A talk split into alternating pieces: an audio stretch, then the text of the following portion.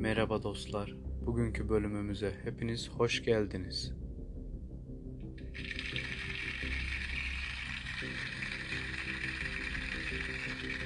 Konumuz Bodrum katından gelen sesler. Bodrum kata girmek yasaktı. Bu her zaman böyle olmuştu.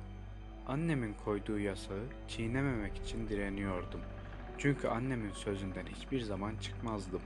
Ama bir gün Bodrum'dan gelen seslere daha fazla karşı koyamadım ve aşağıya inmeye karar verdim. Sonuçta annem dışarıda çim biçmekle meşguldü ve ben de bu sırada Bodrum'daki küçük köpekle birazcık oynayabilirdim. Hem belki de çok açtı köpek.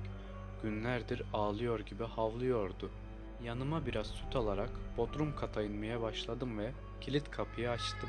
Aşağısı çok karanlıktı ve köpeğin hiç sesi çıkmıyordu.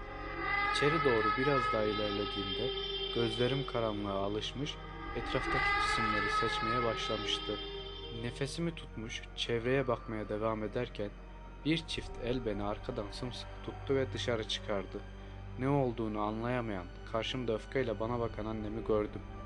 Çok kızgın olan ve bana ilk kez bağıran anneme bir daha oraya inmeyeceğime söz vererek odama çıktım ve bir daha annemi sinirlendirmemek için ne duyduğum köpek seslerinden ne de Bodrum'daki elleri ve ayakları olmayan çocuktan söz edebildim.